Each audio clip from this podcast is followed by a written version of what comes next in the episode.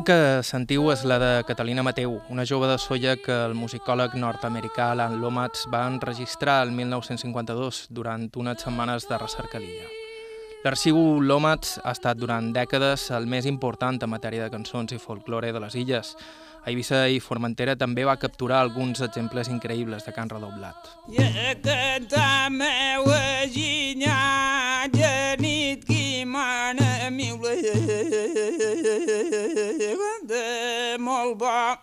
A Mallorca i Menorca va recollir hores i hores de música, tonades i anotacions que fins fa no molts anys confegien l'arxiu més important que hi havia en la matèria. L'interès per les músiques populars de tradició oral no era una cosa nova, però sí ho era l'eina principal de l'Omats, el magnetòfon.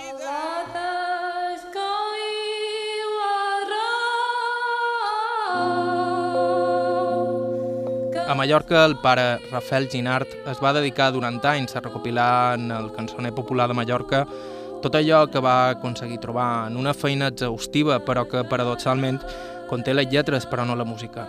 Es tracta, en tot cas, d'un monument a la saviesa col·lectiva, a la capacitat del poble de comunicar-se creativament en un temps en què si volies música no podies posar-te un CD, havies de cantar.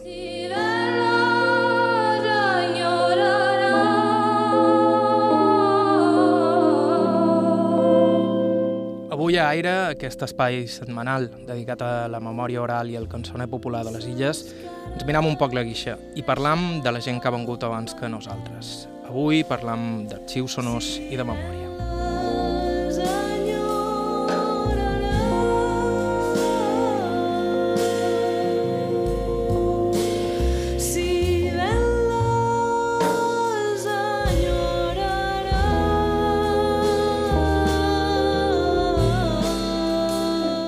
A IB3 Ràdio, Aire, amb Joan Cabot.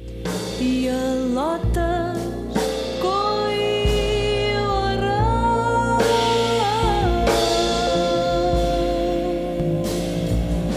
que es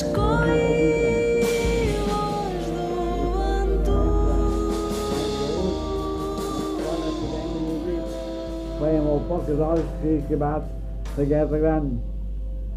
ähm, es gibt auch gesagt, ähm, er umzähnt des Unions der Don in des Konzertes, in Menschen haben zum Beispiel selber, in bei Nietzsche, Times, gewohnt mehr war wie, geht im Orden liberal, in un und Park, äh, einzig des Kellen, wo die vor allem Admitissim, weil liberal waren. I si parlam de memòria oral, el professor Joan Miralles no només ha estat un dels seus precursors a les illes, sinó també a tot l'estat. Els seus inicis en la matèria varen ser gairebé accidentals, encara que des del principi Miralles sentia un enorme interès per la cultura popular i la història del seu poble, Montuïri. En total, i al llarg dels anys 70, 80 i 90, va acumular més de 600 hores d'entrevistes que actualment estan dipositades a l'arxiu del SO i la imatge del Consell de Mallorca. Bé, la cosa va començar eh, quan jo estudiava a Barcelona. Devia ser segurament el 1965, el curs 65-66. Aquesta és Joan Miralles, fa uns dies a casa seva. Jo vivia en el carrer Palai, aleshores, i em vaig comprar un manetòfon TK-15 alemany, Grundig que era una meravella, o era una meravella en aquella època. Uh, a terminis, me recordo que pagava 20 euros cada mes, que era una quantitat respectable en aquell temps, no? I, i bé, jo en principi, més que res, el vaig comprar perquè d'aquesta manera fem enregistraments i de música, però també també me servia per estudiar. No? Com l'empleau per estudiar? Sí, per estudiar, eh, no sé, llegia un text, no? i després l'escoltava, o a partir dels apunts llegia els meus propis apunts, no? Era una manera d'entretenir-me, diríem, no? Mm -hmm. I d'altra banda, era una època en què jo em va començar a interessar el tema filològic, concretament de història de, de la llengua catalana a Mallorca. Jo inicialment volia fer una tesi doctoral sobre l'evolució lingüística des de segle XIII fins ara, des de mallorquí. Però, de fet, eh, era una època que mon pare era herbatla i li vaig demanar si podia demanar al secretari que me fes unes fotocòpies de l'arxiu de Montuïri, que era un arxiu magnífic, perquè comença l'any 1305. És molt antic i és molt eh, ric en eh, sèries documentals interessants. El secretari d'aleshores, que era en Bartomeu Verger Serra, era un secretari singular perquè sabia llegir textos antics. Això passava segurament a molt pocs secretaris, no? i per a ell li interessava el tema i, de fet, va publicar en el full parroquial de la Bona Pau, fundat l'any 52, tota una sèrie d'articles, diríem, no? Interessants. No? Jo aleshores estudiava, evidentment jo no sabia llegir, en principi, aquests textos, però em va ajudar en Amadeu Soberanes, que era el que després seria el conservador, diríem, de la Biblioteca de Catalunya, dels manuscrits. No? Eh, va ensenyar va, va fer una sèrie de classes, diguem-ne, particulars, no? I, i bé, i pràctica pura, aleshores. Bé, i va succeir una cosa curiosa, i és que eh, aquestes fotocòpies que me va, me va enviar el secretari de Montuïri, eh, entre d'altres, clar, eren còpies de documents del segle XIV fins al segle XVIII. I em va cridar l'atenció justament eh, un test interessantíssim, que eren les bregues que hi va haver a Montuïri entre 1357 i 60. És a dir, els judicis de faltes que hi havia de cabres criminals d'aquella època. I per què m'interessava això? Lògicament, jo no va ser un dia ni en dos que vaig poder llegir això. Segurament ningú havia tornat a llegir des del segle XIV. Però va ser com si m'introduís en el túnel dels temps. No? Hi havia frases que havien estat dites per la gent que havia intervengut en els fets delictius, sigui com a acusats, com a delats, com se deia en aquella època, o bé com a testimonis. I bé, i records, frases senceres. Va arribar un moment que ho vaig llegir i rellegir tantes vegades que m'ho sabia quasi de memòria. No? Bé, frases, per exemple, grans alcais sots vosaltres, que rector vos fot vostra cosina germana i vosaltres no en fets ninguna venja. Clar, això és una frase que va ser dita per Montuirers de fa 700 anys, no? És una cosa impressionant, no? L'interès per aquests papers el va dur a interessar-se també pels mals noms i la seva evolució al llarg del temps. I d'aquí a la història oral. L'any 69, el mes de febrer, jo vaig presentar la tesina del malnom de Montuiri. És a dir, a mesura que jo vaig eh, entrar a l'arxiu de Montuiri, que estava absolutament desordenat, tot s'ha de dir, en molt males condicions, però mm, no sé per què mm, me va interessar el tema de l'antroponímia, dels noms de persona, i dins el nom de persona justament els malnoms. No? Jo sabia que a Montuiri, clar, hi havia un que li deien en pelut, l'altre en pel, l'altre en... I en niu, clar, vaig tenir curiositat per saber l'antiguitat d'aquests malnoms, eh, el significat d'aquests malnoms, no? la relació que hi havia en els llinatges, i bé, així va ser que vaig fer aquesta tesina que va dirigir en Joan Veí. En Joan Veí sempre diu que és la primera que va dirigir, curiosament, no? Era un tema molt poc tocat, de fet, el tema dels malnoms un tema que interessa especialment, no? Supos que perquè és un tema d'aquests, dirien, de molts populars que han perdut el significat, no? però que se conserven com a malnoms, i la gent els diu, però no sap què significa. Xoroi, la gent no sap que és un que li falta una orella per exemple, no? I que això havia estat un mot insultant en el segle XIX, curiosament, també, no?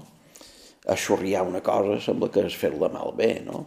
Els hipocoristis també donen molt de sí, no? Quel, de Miquel, Calet, de Miquelet, Caló, de, de Miquel, de Miqueló, eh, que per cert generalment està mal escrit. Quan escriuen Calet o escriuen Caló, eh, eh, segurament perquè pensen que ve de Cala, i no té res a veure amb Cala, sinó de Miquel, no? Eh, I bé, és un, és un tema que realment jo el trobo molt interessant i que, i que ja dic, eh, la cosa va anar així, no? El dia mes de febrer del 69 jo vaig presentar la tesina. La vaig de presentar en castellà. La defensa va de ser en castellà, a Barcelona, no? quina cosa més absurda, no? I a més a més la vaig de defensar en castellà i eh, la vaig haver d'escriure en castellà. No? I, i bé, va ser una tesi divertida, no? perquè, eh, clar, hi havia noms realment molt, molt divertits. No? Per tant, eh, així va anar la cosa. Per una banda, hi ha el tema dels malnoms i per altra banda, aquesta trobada que vaig fer d'aquest eh, document eh, I va ser així com vos vareu interessar Sí, per aquest tipus sí, de... sí, sí, em vaig interessar per això. I això de la història oral va ser, mm, des del moment que em vaig comprar el manetòfon, se me va ocórrer un dia i si ara entrevistàs? Perquè, clar, els vells me contaven, aquí hi havia, me recordo, una dona aquí davant, que era una, una dona analfabeta, que no, ni entenies castellà. De vegades m'ha de mirar, ha vingut uns estrangers i no sé què me demanen, i resulta que era un tio de Valladolid que, de, que demanaven a veure, era, eh, què sé jo, amb això em va ajudar mon pare. Li vaig dir, m'agradaria entrevistar l'home més vell i la dona més vella de Montuïri, per començar. No? I després ja veurem què passa, això. No? Clar, jo no tenia, no sabia que feia història oral, ni tenia cap coneixement, de fet, diríem, teòric, sobre coses que se feien en aquell moment i que estaven en els seus inicis. De fet, la història oral sempre ha anat molt lligada en el manetòfon, com a estri, diríem, no? que possibilita recuir la veu, no? això és una meravella. No? Va començar amb en Alan Nevins, que era un historiador nord-americà, eh, periodista i historiador, que va fer justament eh, quan els manetòfons començaven a tenir una, unes millores tècniques considerables, l'any 48 era això, 1948, i se li va ocórrer entrevistar els grans magnats del petroli. I bé, va ser un èxit considerable, no? I, i després, eh, d'altres bandes, també va ser durant els anys 50 i sobretot 60, no? en què la cosa anava millorant, els manetòfons aquests, que se va introduir també la història oral a Gran Bretanya, a Itàlia, en fi, etc. No? Aquí a Mallorca jo després he observat i he comparat dates i realment eh, he estat un dels pioners a Espanya, no solament a, a Mallorca, no? quasi sense voler, de fet. No? Ara ja dic, jo no sabia que feia història oral. Jo, el descobriment d'això, de la història oral, la part, diguem-ne, teòrica, eh, va ser anys després, quan vaig anar a presentar el qüestionari. És a dir, després de fer moltes entrevistes, vaig elaborar un qüestionari que va tenir moltes versions i que vaig presentar a diferents congressos i tot això. I va ser a Barcelona que, que em varen dir, home, i això és, això és història oral, no? I, i a partir d'aquí vaig, vaig llegir un fotimer de llibres en Robagó Florit.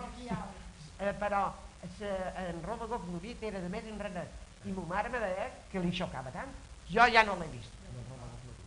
Però ma mare me deia que, era, que volien fer casar, ara que llarg massa jo, volien fer casar en Robagó Florit, tenia un tio que el feia hereu, entens? I volia que se casés. I ell no anava molt de tios que hi una al·lota que era blota. Les primeres que vaig fer, diríem, d'història oral, aquestes entrevistes, en els dos més vells, va ser l'any 69. Eh, el que passa és que, clar, això demostra un poc el, el desordre metodològic que tenia inicialment, no? Eh, no vaig posar la data, diríem, en què feia allò però després he, he fet deduccions i això, i crec que era el setembre del 69. Es cap d'un parell de mesos, però ja, ja ho vaig corregir, ja, ja de, el primer de tot, diríem, eh, eh, fem l'entrevista a Montuïri o a Sant Joan, allò on fos, diríem, no, amb la data exacta i el nom de l'entrevistat, etc. No? 27 de juny de 1970. Joana Grau, Grau que és? poc a dir. I serà? He de fer 80 anys, però no els he de fer. no estaré molt, 79. Una de les preguntes que solia fer era a quina edat teniu quan vareu anar a Palma? I per què hi vareu anar? I ella me va contestar, hi vaig anar a veure matar un home. Clar, això, si aquesta dona era de 1871, la darrera execució pública va ser el 1884. Va ser un cas de parricidi d'un tal Ramon Castanyer que havia eh, enverinat la dona. Li havia posat arsènic dins de xocolata. No? Eh, era una dona d'endratx, segons sembla. Aquesta dona diu, jo era nina, tenia d'haver 12 anys, una cosa així, en tenia 13 en realitat. Jo crec que és la darrera execució pública. I aquesta, clar, és, és impressionant això. Una persona que te conta en primera persona que va veure l'execució pública d'un home. Ella no m'ho va contar, eh, el que te diré ara, però sí que m'ho ha contat d'altra gent. Era costum, quan hi havia una execució pública, que li, eh, li acompanyés son pare a un familiar pròxim, tant si era nin com si era nina. No? I en el moment de l'execució li solien pegar una bufetada. perquè el trauma fos més fort, diríem. Va ser volta de Garot, i ja dic, va ser la darrera execució pública. Després hi va haver d'altres execucions, eh? Els que van assaltar el Puigmoltó i van matar l'amo, per exemple, varen eh, ser executats l'any 49, però ja no era una execució pública. Execució pública vull dir davant milers de, de persones. Eh? Aquesta va ser, fer, va ser, segons aquesta dona, a Santa Catalina, a l'esplanada de Santa Catalina. Les preguntes solien anar sobre eh, alimentació, vestuari eh, i després arribada també dels primers invents de la modernitat. Qui va tenir el primer cotxe, qui va tenir la primera bicicleta, eh, etc. En els cotxes els deien, eh, que els deien carros de foc, me pareix, carro de foc. No? I, bé, I després el tema de la màgia, la bruixeria, etc. Clar, què passa? Que el tema de la bruixeria i de la màgia és un dels temes tabú i jo després, clar, eh, he anat canviant un poc els baus en el sentit que eh, ja he tingut una, una estratègia nova per a veure eh, com ho podria fer per tractar aquest tema tabú. Els temes tabú, sens dubte, són, per una banda, la guerra civil i la repressió, eh, el contrabàndol, higiene íntima, el sexe, naturalment, no? i, i d'altra banda el món de la màgia i la bruixeria. El mal bocí. El mal bocí, oh, n'hi havia casos. Anava per pobles, això, també, i probablement també per famílies. A Montuïri, per exemple, és un poble que són bastant escèptics respecte a això, però no vol dir que no n'hi hagi hagut de casos. Hi ha pobles en què això sí que ha estat amb més abundor. Eh, per exemple, Porreres, eh, Sineu, Llorito, eh? aquests pobles les entrevistes que vaig fer me'n van contar. És a dir, a Porreres, per exemple, recordo una dona que me contava un fet que jo situo de vés l'any 1905 al 10, d'un home que, d'un jove que havia conegut unes atlotes i que eh, se va posar a festejar-les diríem, no, i anava els dies de festeig, que eren, si no recordo malament, els dimarts, els dijous i els dissabtes. I el varen advertir, ves alerta, perquè aquestes al·lotes són bruixes, li van dir, no? Però ara el que no has de fer tampoc és deixar-les de sobte, perquè si no, no sigui cosa que te facin una malifeta, no? I no, no, no, ja ho veurem, ja ho veurem.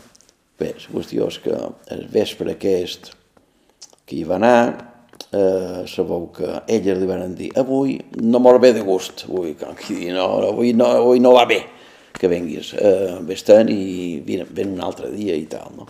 I ell va fer com que no sent, no? I se va amagar eh, de baix l'escala, de vora la cuina, i va estar de més una hora, una hora i mitja o dues, fins que va arribar a les 12, no? I eh, a les 12 diu, se va fer com un tro i va, va haver una llumenari dins la cuina i eh, va sentir que una de les germanes, perquè eren germanes, li deia a l'altra, i avui on li? Avui li pegarem cap a Barcelona. I després del tro aquest i de, i de veure tot aquell resplendor, se'n va anar a la, a la cuina i va veure que hi havia dos vestits en terra. No? I eh, a la ximenea, a la foganya, hi havia un braç de persona en sots cinc dits que cremaven com si fossin cinc espeumes. Encara vinculat a la Universitat de les Illes, el doctor Joan Miralles continua investigant recentment al voltant de la toponímia, però no ha abandonat el seu propi arxiu. De fet, una de les seves il·lusions seria transcriure'l per complet, afegint-hi les anècdotes que recorda d'aquelles entrevistes. Sempre dic que som un entrevessat d'historiador, filòleg, evidentment, que és el que som més, i eh, antropòleg o folclorista, etnògraf, com li vulguis dir, no? M'interessen molt les tres coses, els tres aspectes de la realitat. I bé, les meves preguntes no és que fossin què significa aquesta paraula, entens? El que passa que, clar, quan parlaven, eh, evidentment, utilitzaven mots eh, avui en desús, i expressions i frases fetes i una tècnica, diríem, molt pròpia de la gent, sobretot que no té, eh, és dir, que, que no sap llegir i escriure, però que no vol dir que no sigui viva de potències, que ells deien viu de potences, és una persona viva de potences, vol dir una persona viva, espavilada, intel·ligent. Eh?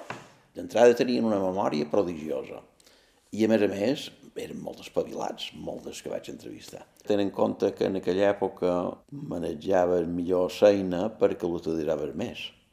Ara la gent, eh, com que esteu tan distrets, la gent jove, entre, entre l'ordenador, internet, el mòbil, el WhatsApp, etc. Que no, i festejar, i, i, i, i no teniu temps.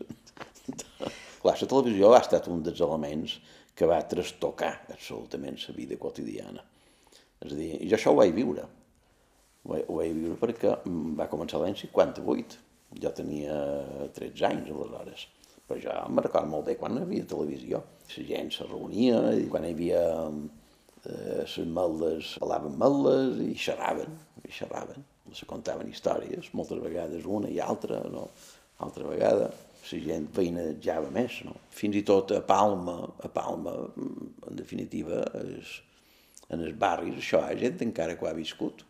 Als anys 50 encara hi havia vida de barri. Però clar, la televisió va trastocar totalment tot això. L'Arxiu Miralla resta com una de les col·leccions més impressionants de la memòria oral de les illes, també com una forma increïblement íntima de xafardejar a través del temps per intentar entreveure com eren, com pensaven i què sentien les persones que Miralla es va entrevistar. Ai, damunt ses I fent un salt al temps, d'aquí uns segons parlarem d'un altre arxiu sonor. Aquest dut a terme al llarg del principi de mil·lenni per dos joves estudiants de musicologia i el seu professor. Serà d'aquí uns instants aquí a la sintonia d'aire.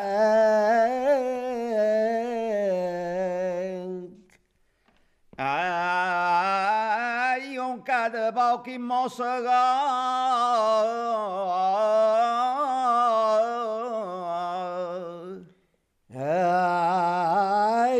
Cada boca mossega.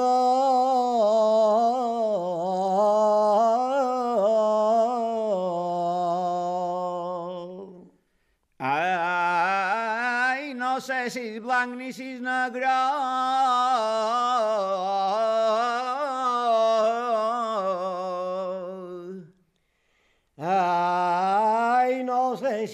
És negre.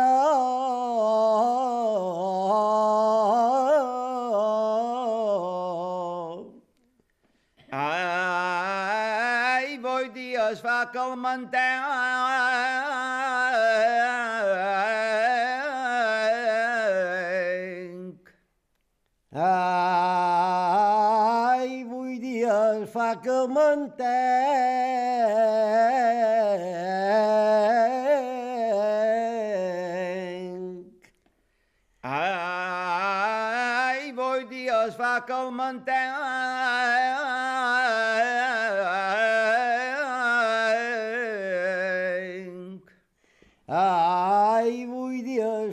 Calmentenc.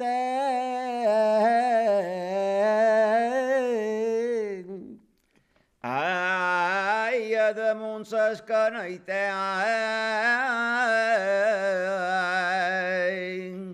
Ai, a damunt ses caneitenc.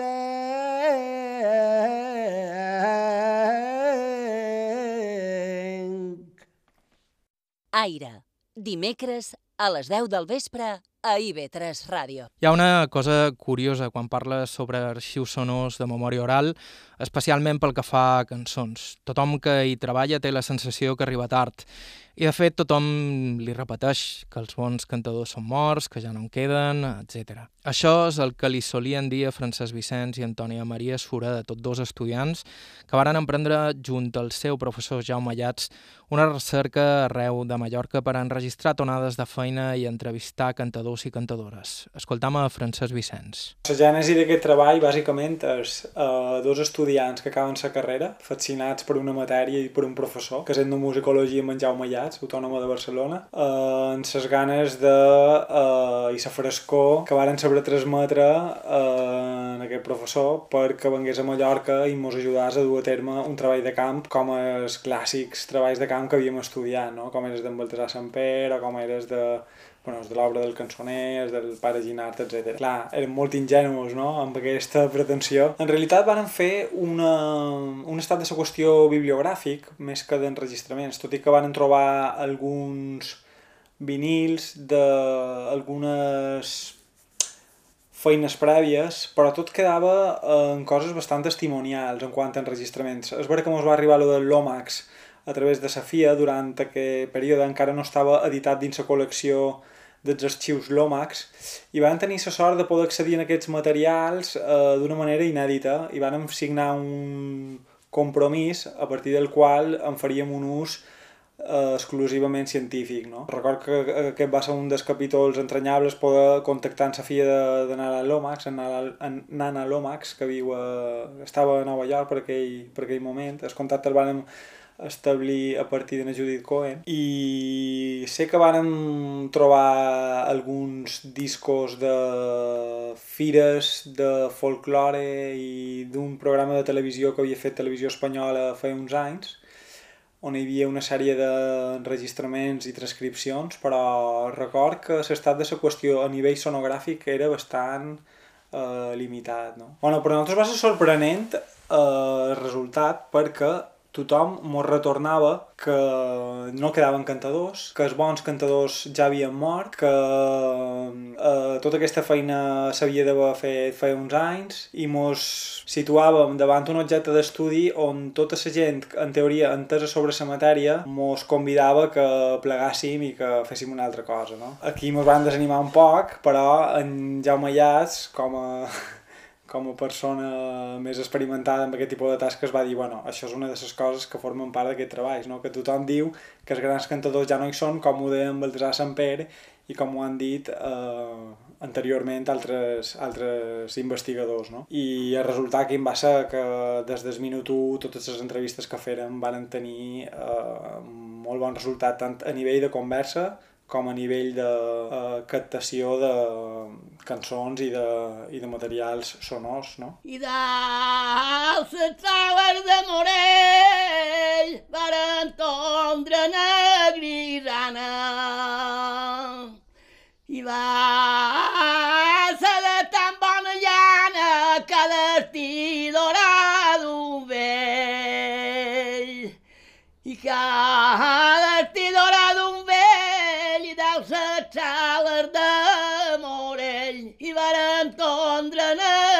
negrisana.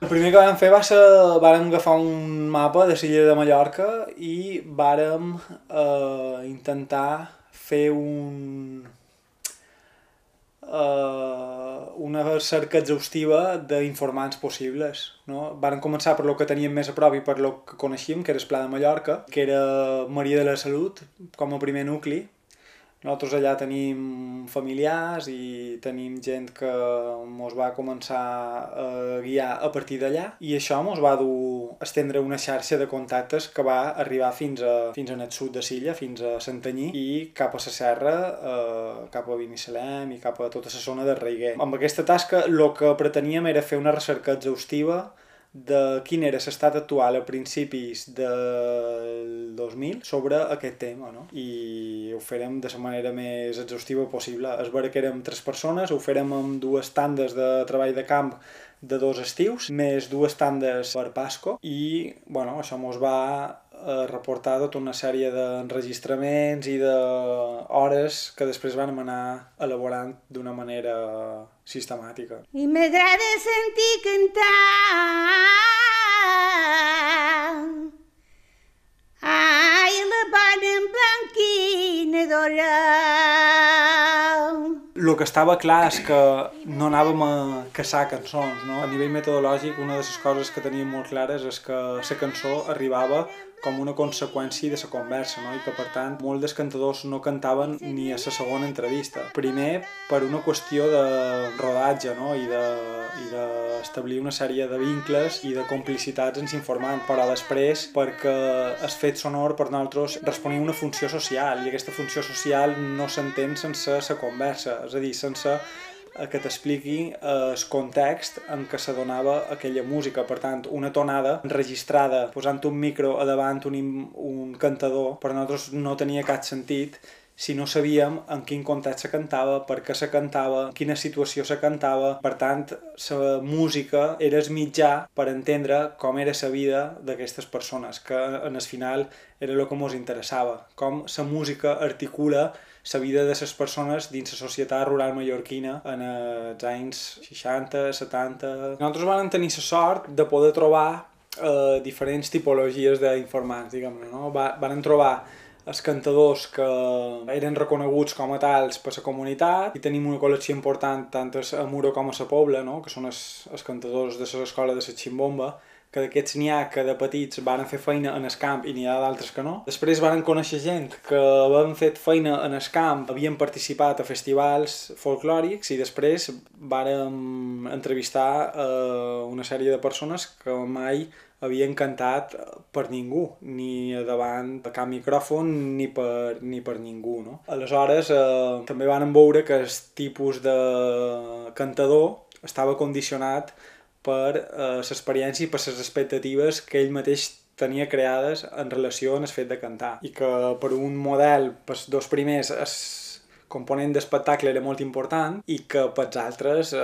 el component d'esp- d'espectacle era, era inaudit o inconcebible. No? Vàrem entrevistar molta gent durant tot aquest temps, per tant eh, hi ha moltes experiències distintes, no?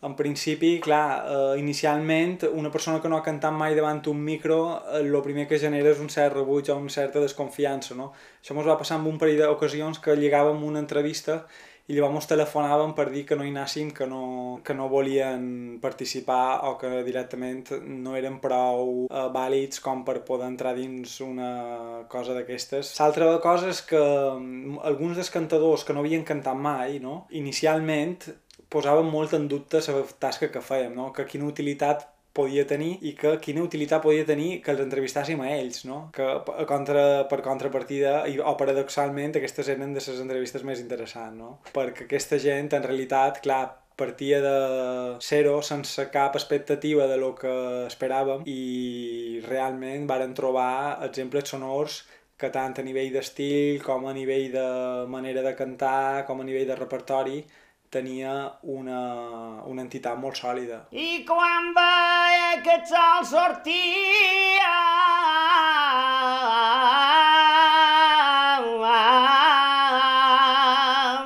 Jo record sobretot una entrevista que fèrem a Ses Salines, un senyor del poble que nomia Andreu, i després recordo un altre senyor de Sant Joan que nomia eh, Miquel, Miquel Fossé, que eren dos cantadors que, això, que reconeixien, eh, que mos va costar bastant el tema de que cantassin, però que eh, el resultat va ser del tot sorprenent. Primer per la qualitat de les tonades i després perquè eh, tenim un poc la sensació de que els, eh, els escoltàvem com a per primera vegada amb aquests oïdes interessants o interessats en extreure material etnogràfic. No? Aleshores, clar, aquests estils són estils molt més sobris que els, espe que els espectacularitzats, diguem, els que estan associats a espectacles, diguem, però per altra banda eh, tenen una genuïtat, diguem, o una, o una sobrietat amb el cant que és inaudit. En principi eren tonades de feina, nosaltres cercàvem les tonades de feina, i tot d'una vàrem veure, quan entrevistaven gent de distints pobles, tot d'una vàrem extreure una sèrie de conclusions de tipologies i de funcions, no? Però sí, és vera que les tonades de feina era un gènere que mos interessava molt perquè eh, tonades de feina articulaven l'economia familiar, no? És a dir, es llaurar, eh, segar i es batre eren el que feia tothom. Per què? Perquè era el sostén de l'economia familiar. No? I a partir d'aquí vam veure que hi havia unes tonades d'especialista, que eren les de saquear, per exemple, que no tothom se les sabia, o és que els, els saqueadors eh, era una tasca que només feien ells i que era un, un grup reduït i que no tothom eh, les cantava i que per tant eren tonades d'especialista. I llavors hi havia altres tonades de festa que estaven associades a una feina com, com les de Bermà, per exemple, que no se cantava durant la feina, sinó que se cantaven quan se tornava de la feina per celebrar que s'havia acabat el període de feina i que per tant eh, començava un període de disbauxa o de, o de festa, no? Però les tonades que articulaven el dia a dia, no? que era allò que cantaven els pagesos en cada situació, eren les de cicle de cereal, que era la tonada des, des llaurar, de segar i desbatre, bàsicament, no? Haguesses vengut quan jo duia Per mi lo interessant és que a partir d'aquest treball se pot fer una tipologia sistemàtica del tipus de tonades, no? que són les tonades d'escamp per una banda, les de cicle de cereal, vull dir, després hi ha les dels arbres fruiters, les de coll oliva, les de tomameles, per exemple, i després hi ha les d'especialista. I després, en funció de l'àrea geogràfica, unes tenen més pes que d'altres, no? Per exemple, les zones de Reiguer i de Tramuntana, totes les associades amb les feines des, del bosc, diguem-ne, no? De l'oliva, per exemple, tenen molta més presència que en el sud, on les de cicle de cereal tenen una, una presència molt evident. I l'altra cosa és que les diferències entre pobles eh, és equivalent a la distància que hi ha a nivell geogràfic. No? Dos pobles que estan molt a prop tenen unes tonades bastant semblants i a mesura que se van distanciant aquesta, aquesta distància geogràfica doncs té una repercussió amb el nivell estilístic. No? D'això m'ho van donar compte perquè els hi varen proposar un exercici molt divertit per a ells que consistia en fer-los escoltar en els mateixos cantadors, els hi fèiem escoltar tonades d'altres pobles. No els hi posàvem la cançó relacionada amb la feina, és a dir, que fos una altra cançó, que no xerràs ni de llaurar, ni de segar, ni de res, i m'ho adonaven compte que de cantadors del mateix poble les adivinaven totes, cantadors del poble de veïnat les adivinaven totes però apreciaven alguna diferència, però cantadors que cantaven la mateixa tipologia de pobles allunyats, prou feines les podien endivinar. No? Aquesta va ser una de les conclusions que vam extreure també, no? que la proximitat geogràfica estava molt involucrada en els processos de transmissió oral. No? Aquí hem de distingir una cosa important, que són les tonades i són les cançons. Les tonades són les tipologies melòdiques, no? És a dir, la tonada d'esbatre, la tonada de segar, la tonada de llaurar, que això és una tipologia estable que funciona pràcticament arreu de tota l'illa en aquella època. No? Després hi ha les d'especialista, que deia, que també tenen un... funcionen d'una altra manera i que a nivell rítmic i a nivell melòdic estan molt relacionades amb la cadència física de la feina. Per tant, tenien una raó de ser a l'hora de gestionar la respiració, a l'hora de gestionar el cos com a màquina que fa, un, que fa una feina, no?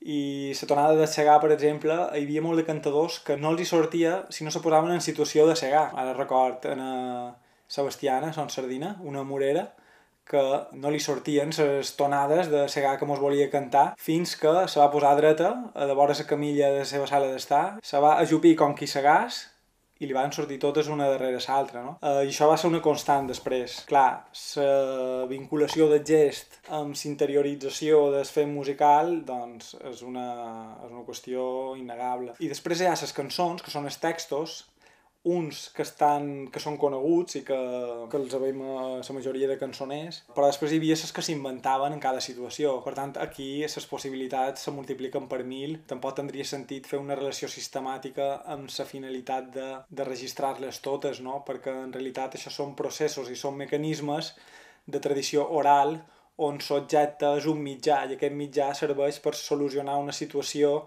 social determinada. Per tant, fixar l'objecte per tenir-lo, fer el cançoner, per tenir totes les cançons, creiem que no té molt de sentit tampoc, no? En qualsevol cas, a nosaltres ens interessava la tonada com a mitjà i, per tant, els processos d'improvisació que servien per solucionar situacions socials de, determinades, no? Per tant, quines eren aquestes situacions? Pues aquelles que no se solucionaven parlant, per exemple. No? I colomata, si volaves, jo em faria caçador. Crec que nosaltres vam entrevistar les darreres persones que ho van viure directament i això crec que té un interès eh, rellevant, no? perquè molts d'ells se'l recordaven dels pares, dels fills, però ells havien cantat i n'havien après en situació. Clar, aquesta gent amb aquests 15 anys quan nosaltres els entrevistaren en tenien 70, alguns en tenien 80, ara o són molt majors o han mort o no estan en condicions de poder cantar, per exemple, no? A la qual cosa, bueno, queda, queda el testimoni. El que sí hem vist és una tendència, en alguns pobles sí que s'han muntat eres en el, el mig del poble, no? al mig de la plaça, perquè els menuts puguin entendre com se feia el cicle de cereal, per exemple, i, i des d'una perspectiva didàctica eh, s'ha recuperat això. Clar, aquí se crida en el pagès que sap cantar perquè canti en aquella situació, no? Però clar, aquí ja estan fent didàctica de sa, del passat, no? I ho fem d'una manera, doncs, bueno, eh, vivencial i d'una manera bastant directa, no? Però el que ha canviat, o el que canviarà a partir d'ara, és que els testimonis seran indirectes, no? És a dir, això mos ho contaran a partir d'ara els fills dels pares. Eh, aquesta generació ha viscut el gran canvi tecnològic del segle XX, no? Aquesta gent, quan va néixer i durant molt d'anys no tenia aigua corrent, no tenia electricitat, anava a cercar aigua en el pou, la majoria eren analfabets, ells han viscut el gran canvi tecnològic i industrial des, des camp, no? Eh, han vist la maquinització també, en l'entrada dels tractors, per exemple, molt d'aquest tipus de repertori deixa de tenir sentit perquè ja no cantant per llaurar, sinó el llaurador va dins una cabina i pot escoltar música amb aire condicionat, no? Aquest tipus de feines que se mecanitzen, amb això eh, han guanyat. No hem d'oblidar una cosa, no? Un poc per la tendència, la perspectiva nostàlgica d'aquestes coses. Una de les preguntes que fèiem, i tots responien igual, era si tornarien a, a, en aquella època, no? I tothom de que rotundament que no.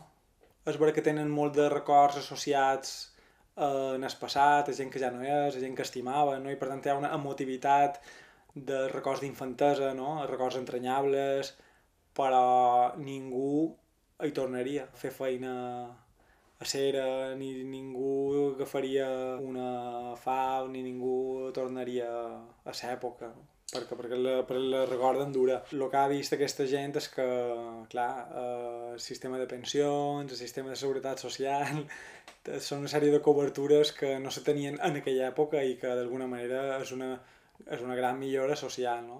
I en acabar El treball de camp de Jaume Llats, Francesc Vicenç i Antònia Maria Sureda també està dipositat a l'arxiu del SOI l'imatge del Consell de Mallorca i part d'aquest fons va aparèixer en DVDs. En tot cas, bona part roman inèdit. Per mi, el més el més interessant d'aquesta recerca va ser eh, el testimoni personal i el testimoni humà, no? Posar cara eh, i ulls a tota aquesta gent que va tirar eh, famílies endavant, que ho va passar realment malament, perquè va viure una època molt crua i veure que tenien una, una dignitat en la seva senzillesa que me va, me va corprendre molt, no? I per mi, més enllà de la recerca, va ser trobar eh, amb aquelles persones analfabetes una dignitat i una sensibilitat i una saviesa de vida inaudites. No? Avui a Aire hem parlat de dos dels arxius més importants dels que hi ha a l'illa de Mallorca, però també a Menorca i Eivissa i Formentera s'han realitzat esforços per preservar la memòria oral de cada illa. En uns segons, però, sentim un professor de la Universitat de les Illes que precisament és responsable d'educar els futurs folcloristes i que romp amb la idea tradicional que la majoria de nosaltres tenim en ment quan sentim la paraula folklore. Serà després d'una breu pausa. A IB3 Ràdio, Aire. Darrer tram d'aire per avui. En aquest programa hem sentit parlar a Joan Miralles i a Francesc Vicenç sobre dos dels arxius més importants en matèria de memòria oral que hi ha ara mateix a les illes, però des de diferents punts han aparegut diverses iniciatives amb l'objectiu d'incrementar el nombre de recursos que tenim a l'abast.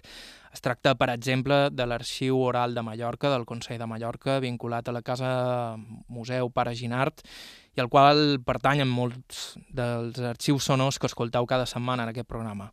Però també des de la UIB s'estan donant les passes per constituir un arxiu de folklore oral, Un dels seus responsables és el professor Jaume Guiscafré. El folklore no és una cosa del passat o d'una societat preturística i pre, diguem-ne, globalitzada. Eh? El folklore és una cosa del dia a dia de, de, de cadascun de, de, de nosaltres.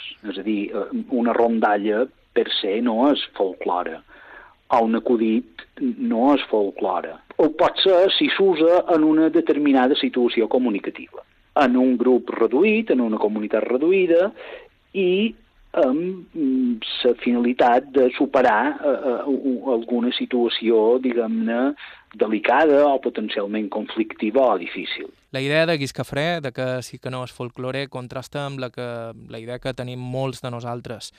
De fet, ell no ho veu com una cosa antiga per ser, sinó com una forma de comunicació que fem servir constantment, tot i no ser-ne conscients. Si una cosa ha caracteritzat eh, els estudis sobre literatura oral, popular, o folclore, no poètica eh, en, en el nostre país, ha estat precisament aquest eh, viatge historicista. És a dir, de materials n'hi ha moltíssims de reunits, moltíssims d'arxius. La potencialitat d'estudiar aquests materials és tan gran que correm el perill de centrar-nos massa en, en aquests materials i deixar de banda els materials que se generen avui dia. No? I un poc el propòsit que, que, que jo me faig eh, en el treball de curs que faig fent els alumnes és que se centrin en materials que són vigents també, que no només se vagin a cercar materials en els padrins que recorden cançons que cantaven quan eren petits, sinó que també se vagin a cercar materials escolars de 5, 6, 7 anys per veure quines cançons canten realment ara. Eh, el mem és un, és un altre gènere que eh, pot ser aquest sí que ha tingut una eclosió extraordinària arran de la generalització de les xarxes socials i que, en fi, tots coneixem encara que, que en fi, que, que no siguem, eh, que no siguem estudiosos d'aquesta matèria, a tots mos ha arribat un mem a un altre, per exemple, en la figura de Julio Iglesias o de Sergio Ramos, per posar dos exemples, que tenen molta rendibilitat. Aprofitant una imatge fixa, que sempre és més o menys la mateixa, canvies el missatge, la interacció entre imatge i text crea un efecte determinat que permet que eh, s'usi i se reutilitzi adaptat a cada, a cada situació concreta. Per això els arxius, allò que te donen pot ser una certa perspectiva una certa amplitud de perspectiva. En el cas de la universitat, allò que vàrem posar en marxa ja fa 3 o 4 anys, és un arxiu de folklore, que conté una part, naturalment, de materials orals. En principi estan vinculats en allò que podríem anomenar la creativitat o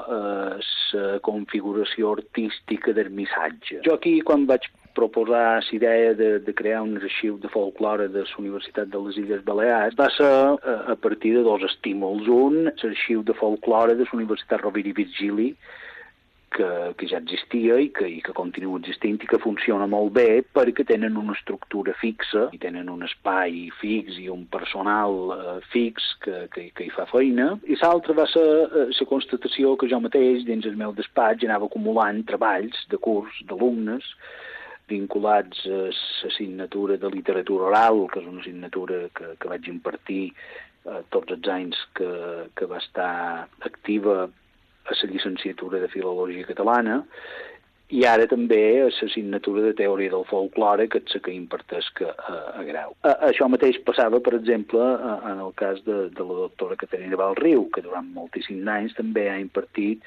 eh, de, a literatura popular catalana a llicenciatura i ara imparteix en no poètica catalana a grau. I aleshores, eh, un poc idea inicial era reunir aquests treballs en un, en un, en un fons únic i, en la mesura de les nostres possibilitats, ordenar-los i catalogar-los en, en la finalitat que eh, qualque dia se puguin posar a disposició dels investigadors que hi puguin estar interessats.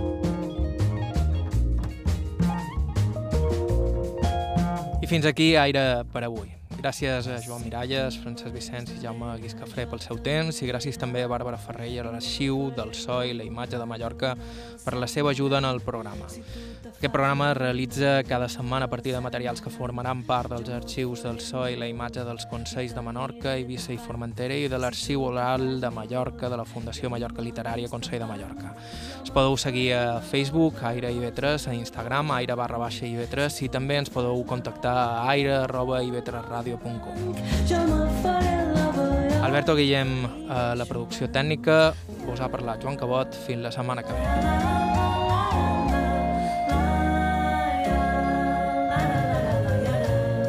Si tu te fas la veia i a mi me xupant, jo me